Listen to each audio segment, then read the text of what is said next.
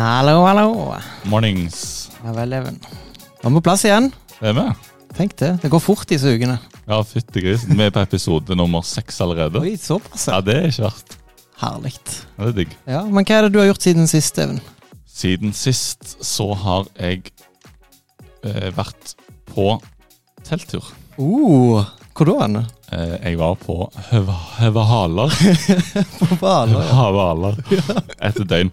Jeg, jeg har kjøpt et, eh, et biltelt. Ja. Ja. Hvordan fungerer det? Det høres ut som jeg har to uker på camping. Det bare, hvis dere tenkte det, så hold på den tanken. Jeg har bare én natt. Men det teltet er altså, Jeg monterer det på baksida av bilen. Så jeg, liksom, jeg rygger bilen inntil der jeg vil stå. Ja. Må sette opp teltet, og så på en måte setter jeg teltet oppå bilen. På baksida, sånn at man kan da sove i bagasjerommet, og så kan man da gå ut i teltet. Eller så man kan sove i teltet og gå inn i bagasjerommet. I den grad man vil det. Jeg ville gjort det.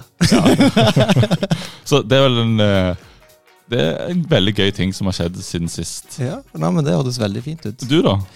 Nei, altså eh, Det er spesielt to ting som har skjedd siden sist. Det er Jeg har sett uh, Manchester United tape Europaligafinalen, uh, som var litt kjipt. Uh, det var- Eh, Det var ganske heftig kamp, det. Ja, altså, det var jo en uh, straffekonk der eh, alle skjøt straffe, eh, og eh, United sin keeper bomma til slutt. da.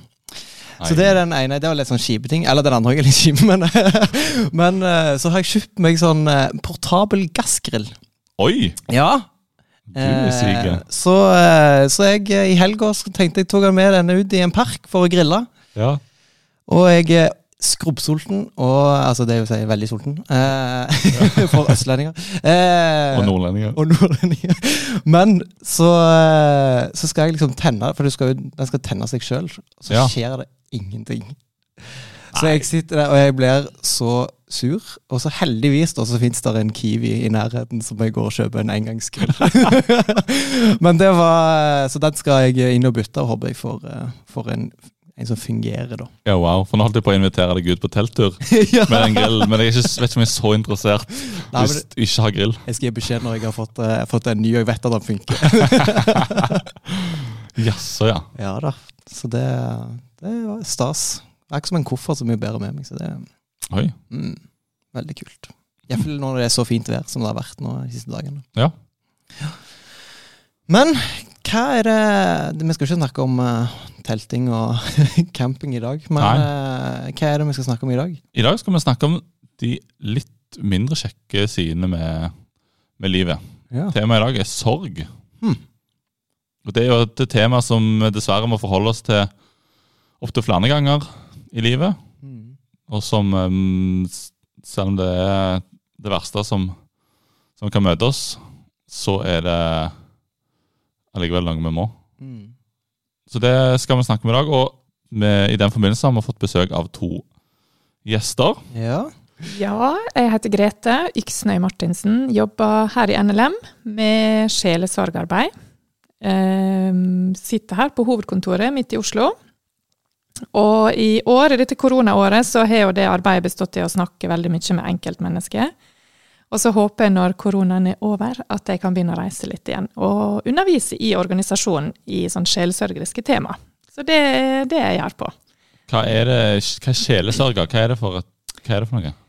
Ja, det er nå et godt spørsmål, men eh, det er jo eh, å snakke med Vi driver ikke terapi, da, det er ikke som å gå til psykolog, men vi snakker om et tema som handler om livet og tro. Så, eh, så folk som trenger liksom noen å lufte sånne tanker med, eh, kan komme til meg, da.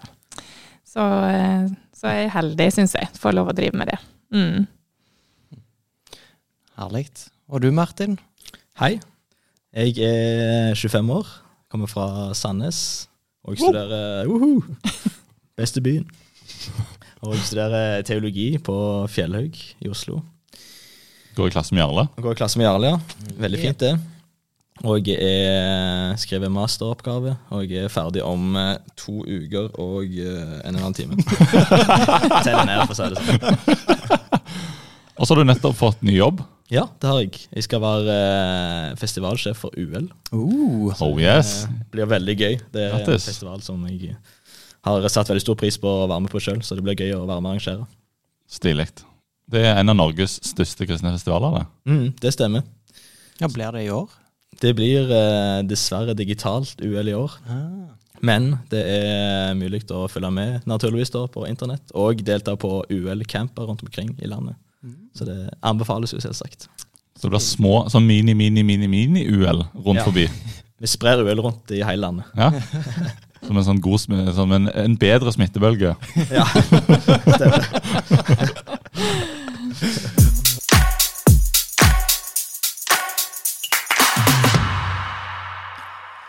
Grete, du som er sjelesørger, hva, hva er sorg? Ja, sorg er jo reaksjoner og følelser som vi får, vi mennesker, på tap. Eh, og da er det jo Vi tenker jo veldig fort på død når vi snakker om sorg, og det er jo veldig naturlig, for når noen dør fra oss, så sørger vi mennesker. Eh, noen som vi er vel glad i, da, som dør. Også, men, men sorg kan jo Altså Jeg ser i mitt arbeid nå når jeg jobber med sjelesorg, at eh, det er utrolig mange forskjellige deler av livet som kan rammes av sorg. Da. Vi kan sørge over at vi mister en venn, eller en relasjon som har vært betydningsfull for oss. Vi kan reagere med sorg. Altså Kjærlighetssorg er jo noe som de aller fleste av oss er borte i løpet av livet. Eh, eller en kan sørge over at en er blitt eh, syk, at kroppen ikke fungerer sånn som den, eh, sånn som den skulle. Eh, eller sånn som en har håpet på og vært vant til. At en, at en får en sykdom eller en skade som gjør at en må slutte med noe en har vært veldig glad i, f.eks. Da er det, er det, kan vi snakke om at det er å sørge, da. Eh, og så opplever jeg også, og det, vi skal ikke bruke veldig mye tid på det i dag, men, men eh, når jeg møter folk som er begynt å bli voksne, og begynner å se tilbake på barndommen sin, og kanskje får øye på ting som ikke har vært så bra, så kan noen også oppleve en sånn sorgreaksjon på det. At det, det man ikke fikk, da, sant? eller det en ikke har fått i livet. Um, ja, så sorg er følelser og reaksjoner på, uh, på tap i livet. Mm. Er dette et uh, tema du møter ofte? Ja, det er egentlig det, fordi at det er på en måte fornuftig å kalle mange ting for sorg, da, som en møter på i livet. Sånn. Så egentlig så er det et tema som er ganske så ofte er borte, ja. Mm. Så de som på en måte kjenner på at oi, nei, det er sikkert bare jeg som opplever dette, de, de kan være trygge på at dette er noe som mange opplever. Ja, det har jeg lyst til å si. At det, det å få sorgreaksjoner og Nå skal vi jo snakke litt om i dag at sorg ser ulikt ut, men, men eh, på, på ting som man møter i livet, det er veldig normalt, da. Det er ikke noe unormalt i det hele tatt. Mm. Ja, Martin, eh, meg og deg ble jo veldig godt kjent for fem år siden, når vi begynte på teologistudiet. Og eh, vi fikk jo i gang en bibelgruppe ganske fort, og da husker jeg at du var ganske tidlig ærlig om at uh, mor di hadde kreft. Og eh, vi fikk lov til å Eller du tok oss med i den prosessen, da. Eh, og etter ett og et halvt år så, så døde jo eh, mor di av kreft. Eh, kan du fortelle litt om hvordan det her prosessen der både før og eh, under Eller hvordan det opplevdes for deg, da? Ja. Um, hun fikk jo kreft i 2011. uh, og uh, da um, Altså, da kunne jeg veldig lite om kreft. Uh, jeg, eller, hun husker hun kom hjem fra sykehuset og sa at hun hadde en eh, svulst. Og jeg trodde eh, det var noe annet. Jeg tenkte, å, ja, Bra det ikke var kreft, liksom. Men så fant jeg ut at det var det som er kreft. Mm. Eh, så det var et veldig sånn nytt møte for min del med alvorlig sykdom. Eh, det var det var flere år. Da var jeg 16 år og hadde akkurat begynt på videregående. Eh, så var det de årene som fulgte, var veldig mye fram og tilbake. Mye inn og ut av sykehus. Mye forskjellig behandling med stråling og cellegift og operasjoner. Eh, og jeg hadde, hadde lenge håp om at dette kom til å gå bra. Eh, men eh, i sommeren 2017 så fikk vi beskjed om at det ikke var noe mer å gjøre. Med, eller legene kunne ikke gjøre noe mer med kreftsykdommen. eh, At den måtte, jeg måtte bare prøve å lindre. Um, og da eh, Det var jo veldig tøft slag da, både for meg og hele familien min, egentlig. Eh, og um, den høsten som fulgte der, så var det var jo nesten på sykehuset hele veien.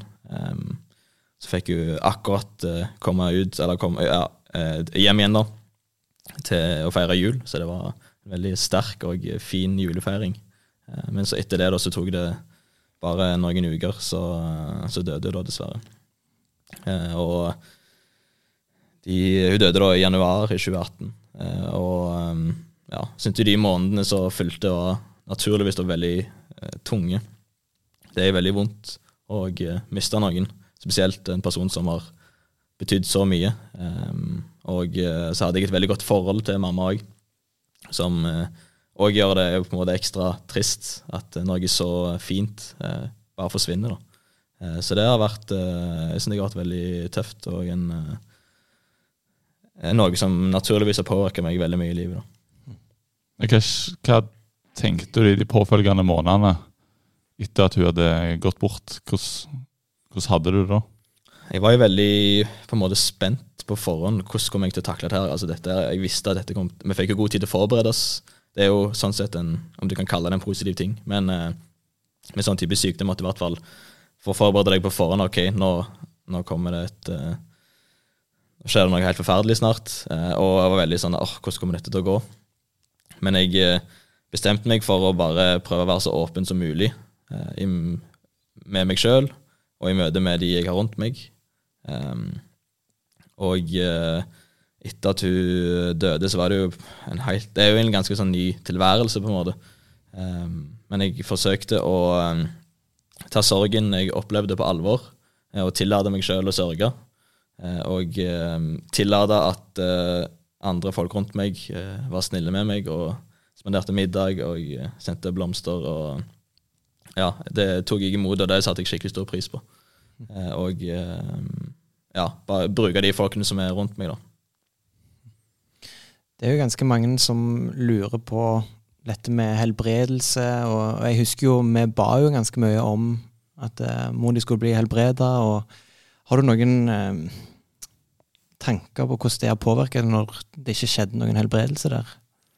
Ja, det var jo naturligvis veldig tøft og eh, trist at det ikke ble det. Det var jo et stort håp og eh, utrolig mange som var med og ba. Noe som var veldig fint.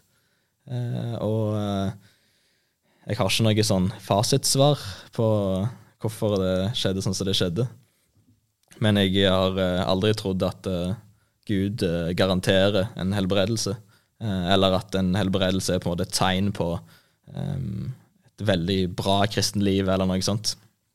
Tenker at uh, hun hadde kreft fordi vi lever i en verden som inneholder lidelse og død og, og sykdom, som rammer veldig mange mennesker, uh, og uh, rammer veldig bredt. og det innebærer jo òg at jeg og de jeg er glad i, kan oppleve det. Um, det var egentlig det jeg tenkte, og jeg håpte at Kanskje kunne det være mulig at Gud kunne helbrede, og det var absolutt et eh, bønneemne. Eh, men nå ble det ikke sånn, og da måtte en bare forholde seg til det. Som, som kristen, det at du ble syk og, eh, på, og senere gikk bort, påvirker det troslivet ditt på noen måte?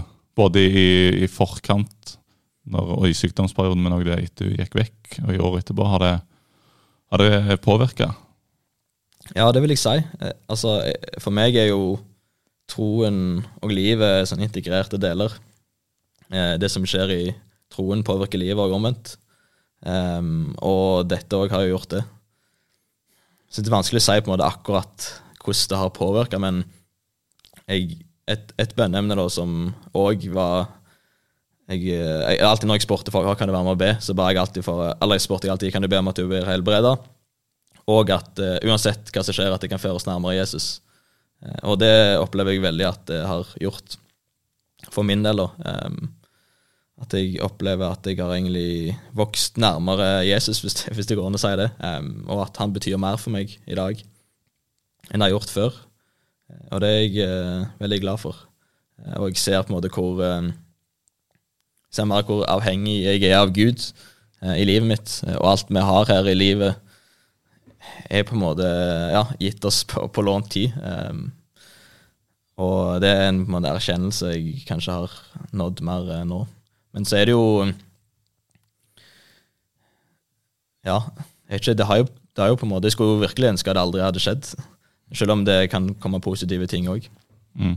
Um, så, så det har eh, absolutt på en måte vært, vært tøft òg, men jeg opplever ikke at det har på en måte eh, ødelagt forholdet mitt til Gud på noen som helst måte, da. Heldigvis. Det, det er sterkt å høre. Jeg har hørt deg fortelle det Vi har snakket om, det, om dette før, men det, det er fortsatt Hver gang så, så er det, like, det er like sterkt å høre, eh, det du forteller. Og det, det minner meg om at en ikke må ta noe for gitt, eh, både i, i livet og, i, i, i, troslivet. Og du, det, det er inspirerende å høre det du sier med at du tillot deg sjøl å sørge. Og, og, det å ta imot hjelp. og det Spørsmålet går til, går til begge to. altså Hvordan forholder seg, hvordan forholder vi oss til andre som er i sorg? Det gjelder både venner, kolleger, relasjoner en, en, har. Liksom, hva er det som er god omsorg? Hva kan en si? Hva kan en spørre om? Hva kan en ikke si? Altså, finnes der, Har dere noen tanker der? Jeg tenker du Martin kan jo dele først hva som var fint for dere. Eh, for min del så bare det at folk bryr seg, egentlig, og viser at en bryr seg, betydde mye. Det er jo gjerne litt sånn typisk eh, nordmenn å være ganske sånn reservert i møte med andre. og vært liksom, Jeg vil ikke være til bry. Men min opplevelse, i hvert fall, var at eh, de som i hermetegn var til bry, de Det betydde virkelig mye, da, at folk strakk ut en hånd. ja, om det var å komme med blomster på døra, eller sende en fin melding. eller bare det å spørre hvordan det går seinere. Betydde mye. Så det er en sånn ting jeg, jeg er i hvert fall opptatt av. Og heller, heller tør å strekke ut en hånd til den kollegaen eller vennen eller hva det måtte være, som opplever en eller annen form for sorg og spør hvordan det går. Og hvis en da ser at ok, hvis vedkommende ikke vil snakke om det, så må en respektere det. Det er ikke alle som ønsker eller føler seg klar for det. Eh, men jeg syns i hvert fall det er bedre å strekke ut en hånd enn å ikke gjøre det fordi en ønsker å ikke være til bry, f.eks. Ja, og så tror jeg ofte så bærer vi en sånn frykt i oss i å gjøre det verre. sant? Tenk hvis jeg sier noe skikkelig dust som gjør at den andre får det verre. Men den andre som er i så djup sorg, har det allerede verst. Sånn at det er ikke noe som kan eh, som en kan si eh, Altså noen som, som bryr seg, og som, som, gjør det ikke verre. Så, så jeg syns det er veldig sterkt å høre det du sier, Martin, om at det, bare det at noen sender melding. Og det verste Jeg tror en må sitte og tenke, de som sitter på utsida da, og ser inn på noen som er i sorg, og tenke ok, det verste som kan skje, er jo akkurat det du sier, Martin, at en er ikke klar for å prate, og så er det helt greit. Men en har fått noen som har spurt eh, og sendt en melding. Og så synes jeg gjorde sånn inntrykk på meg når du sier at du tillot deg sjøl å ta imot hjelp. For det med, vi, på, vi, vi, er redde for å være til bry, vi nordmenn. Vi er redde for å blande oss bort i noe som ikke er vår business. Og så er vi litt redde for å ta imot hjelp. Vi er litt redde for å være til bry på den sida også. Så det tenker jeg det er et godt sånn forbilde for oss du er der når du sier at Og jeg tror som, som gutt og mann med at du sier det at jeg tok imot den hjelpa som, som, folk kommer, da. Eh, det er kjempefint, altså. Og det tror jeg sjelden man liksom angrer på. Jeg har av og til sagt til folk at ja, men jeg veit ikke om jeg orker å bli med hele kvelden, da, eksempel, hvis noen inviterer meg ut. Og da sier jeg men det, det er helt greit, for en kan gå hjem etter en time og bare si at nå, nå går jeg hjem igjen, jeg, jeg trenger mer tid for meg sjøl. Og så vil jo de andre som er venner og glad i det, vil skjønne det. Så det er, no, det er noe med å ikke gjøre det liksom vanskeligere enn det er, og så mm. bare våge seg liksom litt utpå, da. Mm. Tror jeg er viktig det du er inne på der, det der med å ja, å tillate seg selv å sørge og ikke anse på en måte selve sorgen som et problem. Det er på en måte mm. det er en sørgeøver som er problemet, og det som er vanskelig. Det er ikke sorgen i seg selv. Mm. Og for min del òg har det hjulpet veldig i det å på en måte bare vite at ok, dette er veldig tøft. Det er veldig vanskelig, og det preger ikke bare akkurat det da det skjedde, men det preger meg resten av livet. Eh, og jeg blir ikke overraska når det når jeg begynner å tenke på alt som skjedde, og mora mi og sånt. Mm. Sjøl nå, jeg, eh, eh, tre og et halvt år seinere Senest i går, faktisk, tenkte jeg på når jeg eh, var på vei hjem fra en venn. så bare slo tanken meg sånn skikkelig bare sånn, åh, nå hadde det vært så fint å bare kunne ringt mamma og hørt hvordan dagen hadde vært. Ja. men så OK. dessverre så kan jeg jo ikke det. Men, men, det var på en måte ikke noe sånn der å nei, nå jeg må komme meg over dette. på en måte, Det er ikke det det handler om. Det, En må tillate seg sjøl at ok, dette er veldig vondt og vanskelig, og det kommer det til å være. Mm. Ja. Før så snakket man jo gjerne om at sorg hadde veldig sånne statiske faser. Da. Først så var man i sjokkfasen, og så gikk man inn i en ny fase, og så skulle man liksom jobbe seg gjennom det veldig sånn systematisk.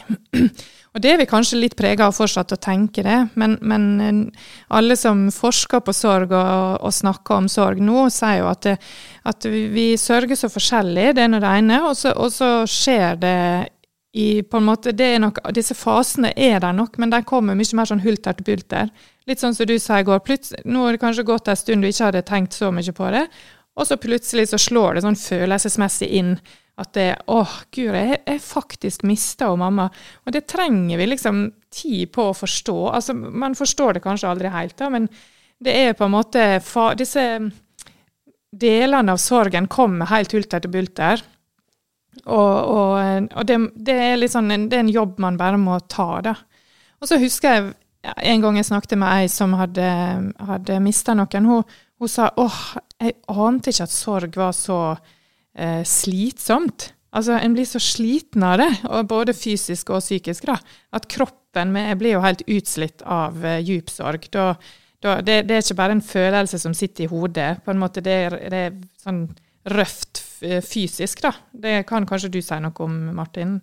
Mm. Hvordan det har vært? Ja, jeg eh, Ja, det er jo på en måte noe Du kan liksom ikke bare hoppe inn og ut av det sånn som det passer. Eh, det kan påvirke egentlig veldig mye. Mm. Eh, og jeg husker at jeg tenkte på det i hvert fall de første månedene. Det var akkurat som på en måte det, liksom, det henger en sånn der mørk sky på en måte ja. over, over, livet. Og en kan på en måte ikke bare Eh, rømme vekk fra det. Men, eh, men, jeg kan prøve å Jeg syns i hvert fall det hjalp å, å, gjøre en del av de tingene jeg gjorde før. Henge med venner, eh, ja. finne på sjekke ting som gir meg energi. Og tillate seg sjøl det òg å ha det gøy, faktisk. Det òg syns jeg, synes jeg er viktig. Mm. For, ja, for finnes det en, finnes det en opp, mest optimal måte å sørge på? Jeg vil si nei. Mennesker er så forskjellige til og med min egen familie òg, selv om alle mister den samme personen. Så vi er òg forskjellige personer eh, og eh, har behov for å reagere på forskjellige måter. Eh, og sånn er det med, med, med alle, alle, mennesker òg, at en, en, er forskjellige, og en reagerer på forskjellige måter. Og så handler det om at det er forskjellige ting en, en reagerer på òg, da. Og jeg tror i hvert fall det er viktig å på en måte ikke lage en sånn der rett og galt fasitsvar eh, optimal måte å sørge på. Som Du må på en måte passe inn i dette mønsteret her, hvis ikke er det et eller annet galt. Og Da tror jeg en gjør sorgen bare enda mer komplisert og utfordrende. Mm, ja, absolutt. Der, er, der vil jeg trekke fram min, min mor som, sånn, som et godt forbilde på, på den biten. Eh, etter å ha mista noen besteforeldre i løpet av de siste ti åra, så er det tre stykker som har gått bort. og der der har hun vært veldig god på å minne oss om det at det, nå må du sørge på den måten som du vil. Hvis du vil ut og gjøre noe i dag, den dagen som man har fått overbringt at i dag så har beste, eller beste Nå nylig, for ikke så mange måneder siden, så gikk min mormor bort. Eh, og det skjedde nokså brått og uventa. Det gikk veldig fort på, på, slutten. Og da var det veldig fint at hun sa det. Minner meg om det igjen. At uh, gjør det du vil i dag. For da kjenner jeg at det, vi har samtidig gått litt og venta på det, samtidig som det kom brått på. Men jeg så jeg trengte liksom noen timer sjøl, men så trengte jeg å ut og, og grille. Liksom, og bare gjøre noe helt annet for å koble av. Og så ble jeg ganske overraska sjøl over hvor lenge det satt i, på en måte som jeg ikke helt klarte Når det sto på, så skjønte jeg virkelig ikke hvordan at det var sorg. Mm. Men når jeg liksom så tilbake for den fasen fra, fra den dagen du gikk bort, til bisettelsen Det gikk en del uker der. Og det, det vakuumet der, det trodde, det I starten så var jeg veldig på sånn, ja, det kommer sikkert til å kjenne litt på det, og det blir, jeg gruer meg veldig til bisettelsen. Men så klarte jeg liksom å forholde meg til det i hodet. Men, men, så skjønte jeg ikke hvorfor jeg var så vanvittig sliten. Hadde, det var så mange reaksjoner i kroppen. Jeg var litt sånn nedstemt. Etter hver, liksom Når det hadde gått ei uke, så var det, det ga seg ikke. Men så klarte jeg ikke se at det faktisk var en reaksjon, og jeg gikk og venta på bisettelsen. For det, når bisettelsen var ferdig, så la det seg litt, eh, det greiene der. Og så, vært, så er det ulikt i familien på hva måter han har opplevd ting før og etter. Der Det er igjen ulike måter å sørge på, men det var en sånn, for min del bare sånn wow, en opplevelse at, eh, og en erfaring på at ja, det, det kan skje på så mange ulike måter. At det kan sitte i hodet for min del i starten, og så la seg i hele kroppen. Uten at jeg gikk og tenkte på mormor nødvendigvis hver time. Men det bare lå der, liksom. Og, og et eller annet som på en måte ikke var forløst på et vis. Så, og i, i andre som kjærlighetssorg og den type ting òg, så, så er det òg liksom det å Har jeg sjøl erfart at det, det kan sitte i så vanvittig lenge, da. Men det trenger ikke være det du tenker på hele veien. Men, men det er et eller annet med hvordan energinivået er, f.eks. Som bare er, det, det er ekstremt uforklarlig. Og, det være, og det er det som ofte har frustrert meg, da. I det at jeg ikke jeg finner ikke logikk i hvorfor det er sånn. for det, det er igjen denne, Du kan gå en sånn periode uten at du tenker på det, uten at du egentlig kjenner på så mye, og så plutselig så er det noe som slår deg. Men, jeg, men ikke nødvendigvis sånn at en skjønner at det er sorgen med en gang. Men så liksom får en gjerne en time, et døgn, alltid det som, og så skjønner jeg å ja, stemmer. Jeg er ikke ferdig med å bearbeide dette her. Og så kan det være litt røft å gi plass til det, da. I, eh, i de situasjonene. Iallfall når det kommer sånne, sånne etterdønninger som på en måte slår deg eh, i ukjent tid eh, etterpå. Og, det med tid det er jo en sånn rar greie når det gjelder sorg. For eh, Nå sa jo du, Martin, at det er tre og et halvt år siden. Og så i går fikk du en sånn, en sånn reaksjon, eller en sånn Og tre og et halvt år for dere er jo veldig, veldig kort tid, egentlig. Mens for alle andre så er jo det kjempelenge siden. Så det er jo noe som en skal være litt sånn oppmerksom på for de som har opplevd sånne store tap da, som, som du har. At en at eh, åh, Tenk om noen kommer på å spørre også et år etterpå. liksom, du, hva, Hvordan går det nå? For at vi glemmer så fort, og, sånn er det. altså En skal ikke ha dårlig samvittighet for det. Vi, for oss andre så går liksom livet videre. Men, men tid er noe helt annet. altså Den er så seig når det gjelder sorg, altså. Sånn at, eh, så det å være litt sånn våken for det at, eh, at tid er noe helt annet når det gjelder disse tinga her. Mm. Men er det lov å være Er det lov å være sint på Gud i møte med, i møte med sorg? For mange er jo det en naturlig reaksjon. At de blir sånn ja, Hvorfor, Gud? Hvorfor lar du den bli syk? Eller, eller at jeg sjøl har blitt syk nå, alvorlig syk. Eller at, det, at mine foreldre har valgt å, å bryte sin relasjon, eller jeg, Altså, det er jo uh, mange som blir veldig sinte på Gud. Har vi lov til det? Ja, Det vil jeg si ja. Eh, og det er noe som har overraska meg litt. Jeg òg har tenkt på en måte at eh, Nei, jeg må bare ikke si dette her, liksom. Men Gud har jo sett det i tankene allerede. eh, og um, bare sånn eh, For eksempel når du ser i Salmenes bok i Bibelen, så ser du mange eksempler på Der er det jo enormt mange forskjellige salmer. Eh, noen er lovprisningssalmer, noen er klagesalmer. Eh, og de uttrykker forskjellige ting som mennesker på den tida opplevde. Eh, og så Jeg syns det er fascinerende å se hvordan det kan gjenspeile gjenspeiler jo egentlig litt av de samme opplevelsene vi òg har. Eh, For eksempel én salme, salme 88, som er en sånn salme som eh, kun har negativitet, på en måte, kun klage. Eh, Og mange kan gjerne være overraska at en sånn salme er i Bibelen, eh, men, og at det ikke er noe litt sånn Ok, men det er i hvert fall håp. Det, det, den salmen har på en måte ingenting sånt. Eh, Og jeg tenker at en sånn eh, at den salmen er i Bibelen, det, det er et uttrykk for at Gud han forstår hvordan vi har det når vi har det vondt, og han vet at dette livet kan være veldig veldig vanskelig noen ganger. Eh, Og, og det er lov å si det til Gud, det er lov å, å være sint på Gud, men han vil at vi skal komme til han med, det, med de tankene vi har.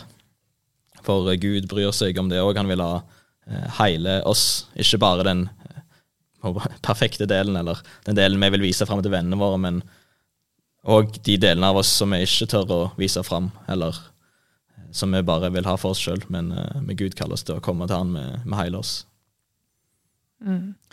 Ja, han, han er allmektig og er den store. Og da å få komme til han med både sinne og spørsmål og alt det, jeg tror det er noe kjempeviktig å få lov til, og som Gud tåler veldig, veldig godt. Jeg, jeg tenker jo det, dette, det er jo ikke bare et bilde at Gud er vår far, vi tror jo faktisk at han er det på ordentlig. At han kaller seg vår far. Og en, en god far vil jo ikke at barna skal eh, gå og være sinte eh, ute, og så på en måte ta seg sammen når de kommer hjem igjen til, til pappa, og, og late som om alt er greit.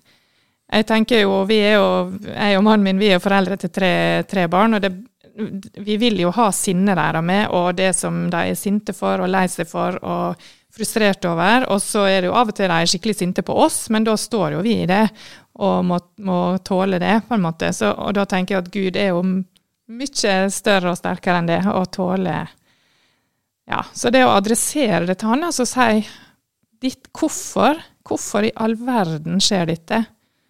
Det er en fin ting å få lov til å gjøre, hvis man kjenner at det er det man trenger.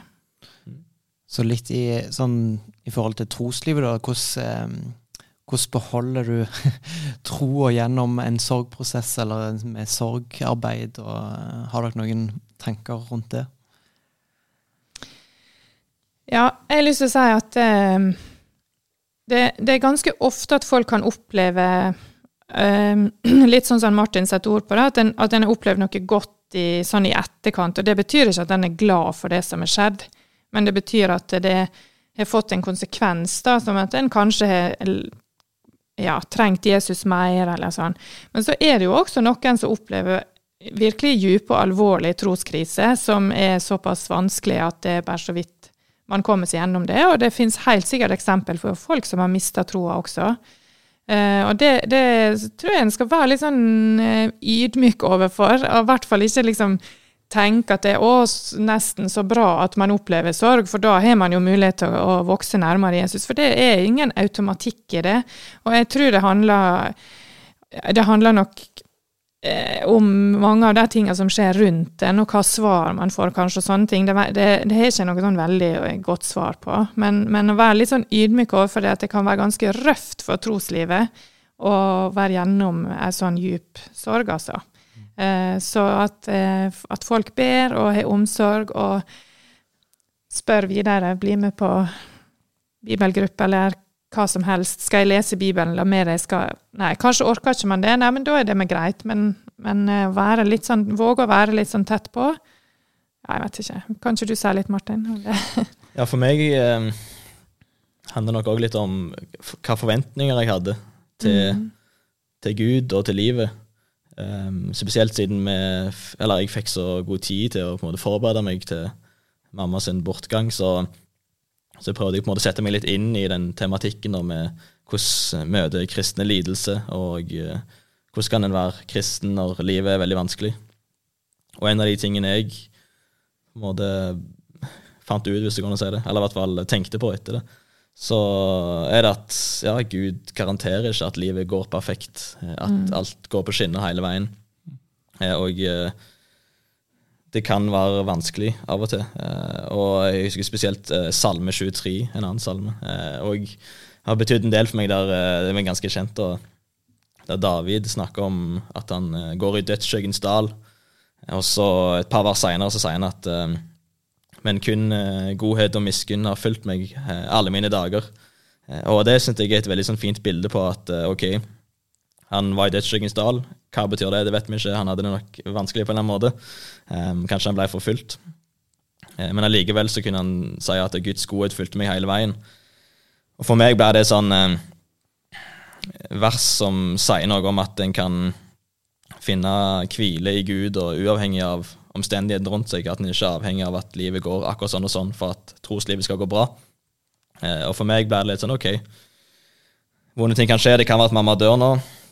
Men det betyr ikke at Gud ikke elsker meg. Eh, mm. Det har han allerede vist. Eh, og Det leser vi om i Bibelen, med at han lot Jesus dø og stå opp for meg og alle andre. Eh, og jeg er ikke avhengig av at livet går bra, men jeg ønsker jo selvsagt det. Mm. Ja, og jeg, jeg, tror vi er litt mer sånn prega av en teologi som sier at eh, å tro på Gud det betyr at en får et bedre liv. Vi har i hvert fall en slags forventning om at vi kanskje hvert fall skal ha det litt bedre da, enn andre. Selv om ikke det blir liksom Det er jo ikke Dersom jeg går og hører forkynnelse, så blir det jo aldri sagt. Men jeg tror likevel at vi er litt sånn prega av det. Og kanskje fordi, kanskje fordi vi bor i Norge med å ha det Vi har sånn sikkerhetsnett og har det så godt på alle mulige måter. Mm. Hvis, vi, hvis vi mister en ting eller en noe blir ødelagt, sånn som grillen din da, Jarle, så kan vi bare kjøpe en ny, eller få bytta inn til og med, da, og få, en, få tilbake pengene hvis det er det. Så det er et eller annet med en sånn Vi er ikke vant til disse tapene som er uerstattelige, så vi veit på en måte ikke helt hvordan vi skal håndtere det. Her liksom, er, livet sånn at jeg kan miste noe som er helt uerstattelig, og som aldri kommer tilbake. Det er, en, det er ganske sånn røft da for oss. Uh, og, og at, så, jeg, så, jeg, tror det som uh, Martin sier her, det er kjempeviktig det med hvem er Gud, da? Hva, hva har han lovd oss i livet, da? Jo, han har lovd å alltid være der. Det er, han, det er det han er lovt. Han er, han er, en Gud som aldri forlater barna sine. Mm. Mm. Og det er jo uh, akkurat det poenget, det er jo noe å være veldig glad for. Det punktet at han, har, han vil alltid være der. Og det er kanon å glede seg over. Og det fører meg òg til det spørsmålet, for lytterne har jo hatt anledning til å sende inn spørsmål. Så mange av disse her spørsmålene er det jo lyttere som har sendt inn. Og veldig, veldig gode spørsmål, syns jeg. Og et av de spørsmålene òg eh, Kan man være glad og ha gode stunder i sorgen? Særlig f.eks. både den første den første, ja, Egentlig uavhengig av tid på på året holdt på å si, i forhold til tid det skjedde. Men er det, lov er det lov å le? Ja, veldig. Det, jeg tror det er viktig å gjøre det òg.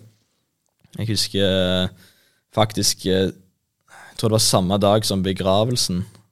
Så var jo vi i familien hjemme på kvelden da, eh, og bare satt og snakket.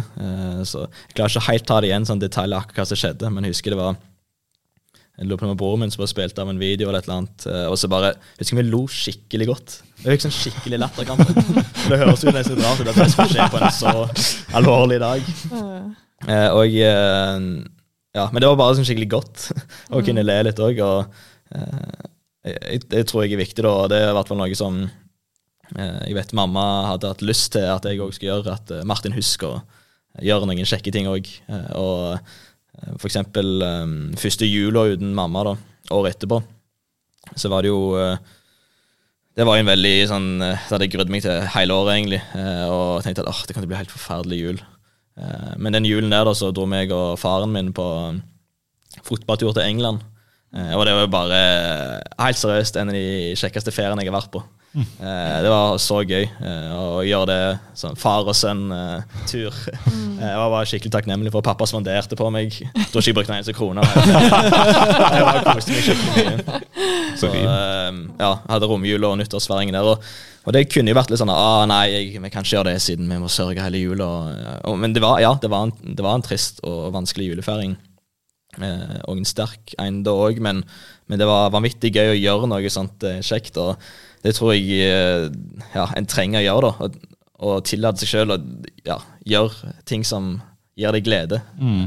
Og um, kanskje kan det være en sånn der sånn forebyggende um, ting å gjøre da, for, uh, for å hindre at uh, alt blir enda mer vanskelig.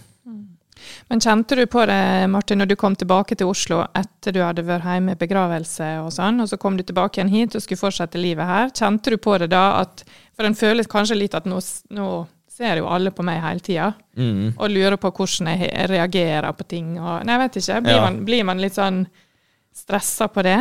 Ja, jeg husker første gang jeg var i menigheten jeg gikk i. Eh, tilbake igjen jeg var og tenkte sånn åh, jeg, jeg synes Det er veldig gøy å treffe folk, men akkurat den gangen der så bare sånn, jeg grudde meg og mm. jeg bare så det på flere. bare sånn der, at de, For det var egentlig Det var ikke så veldig lenge etter begravelsen jeg dro tilbake igjen. Mm. Eh, og jeg kunne se det på folk at liksom, nå ser de usikre på hva de skal gjøre. liksom. Mm. Men eh, da var det veldig fint noen som kom bort og ga en klem. og sånne ting.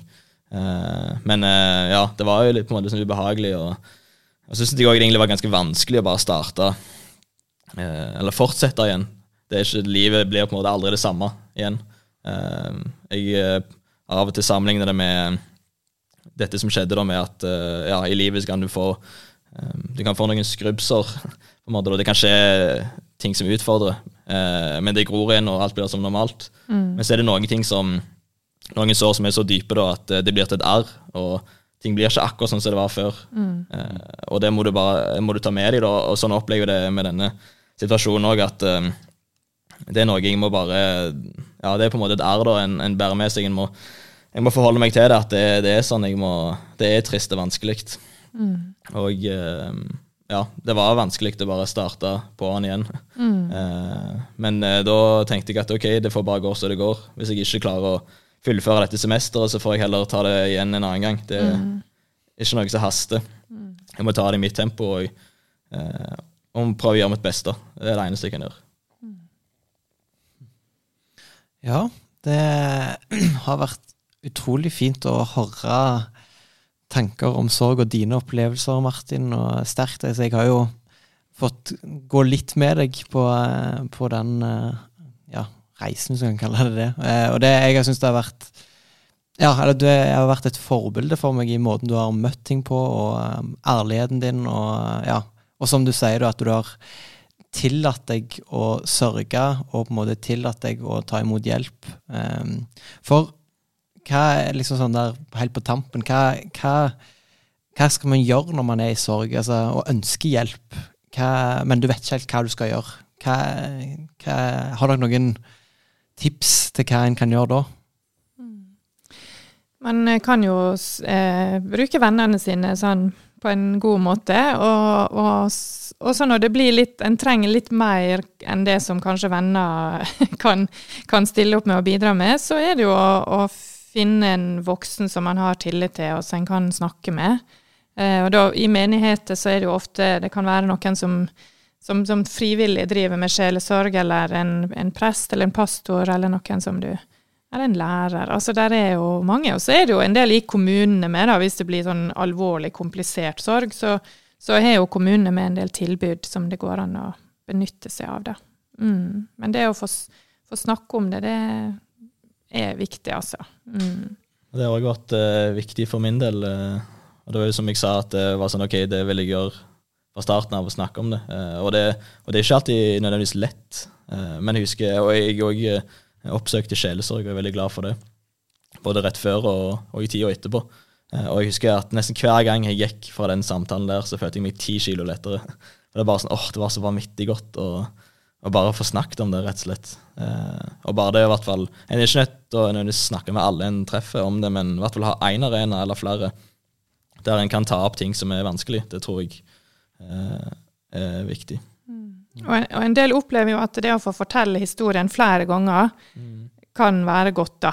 At en, at en trenger å fortelle den samme historien flere ganger om hva som skjedde når Ja, sånn som for din del, når hun døde, eksempel, eller de tinga. Og, da- og, og um, det kan jo være litt sånn vanskelig til venner, da. For når man har liksom fortalt det én gang, så er det liksom vanskelig å kreve Så det å få ha en plass der, det er helt, det er helt greit at du forteller dette for fjerde gang. Kjør på, liksom. Mm. Kom med det. Og så, eh, ja. Og det å få lov å snakke om den som er død, er også en sånn bra, fin ting å gjøre, da. Snakke om, fortelle hva likte han eller hun å drive med, og hva var det dere lo av, og hva var liksom Ja. Så, så bare å ha en sånn plass der en kan få gjøre det, er absolutt å anbefale, altså. Tusen, tusen takk for eh, at dere har vært her og delt. At vi har fått bli, få lov til å ta del i, i At du har invitert oss inn i den, den eh, delen av livet, Martin. Og for eh, de inputsa som dere begge har, har kommet med. Det er Ja, det er vanskelig å avslutte. holdt du på å si. Jeg har egentlig lyst til å snakke mer, og så er det, så er det heftig å fordøye sjøl òg, holdt jeg på å si. Så vi er veldig takknemlige for at dere hadde lyst til å komme og snakke om et tema som, er, som ikke er så enkelt å snakke om, men jeg syns dere har, har tilført veldig mye bra til, til den samtalen. Så jeg er veldig, veldig glad for det. Neste episode den eh, kommer om to uker. Så temaet for den det kan dere få se når den kommer ut. Ja, Det blir et spennende tema, det òg. Jeg tror det er et populært tema hvis Det- det blir det som er nå. Ja, jeg vet at Martin er veldig glad i det temaet, iallfall. Så det Det blir en ny episode. vil ja, snakkes eh, om to uker. Altså. Stemmer det. Oi, oi, oi. Det skal bli spennende å se om eh, hva det temaet blir. Følg oss gjerne på Instagram. Der kommer det nok ut en ny post der dere kan få lov til å komme med spørsmål.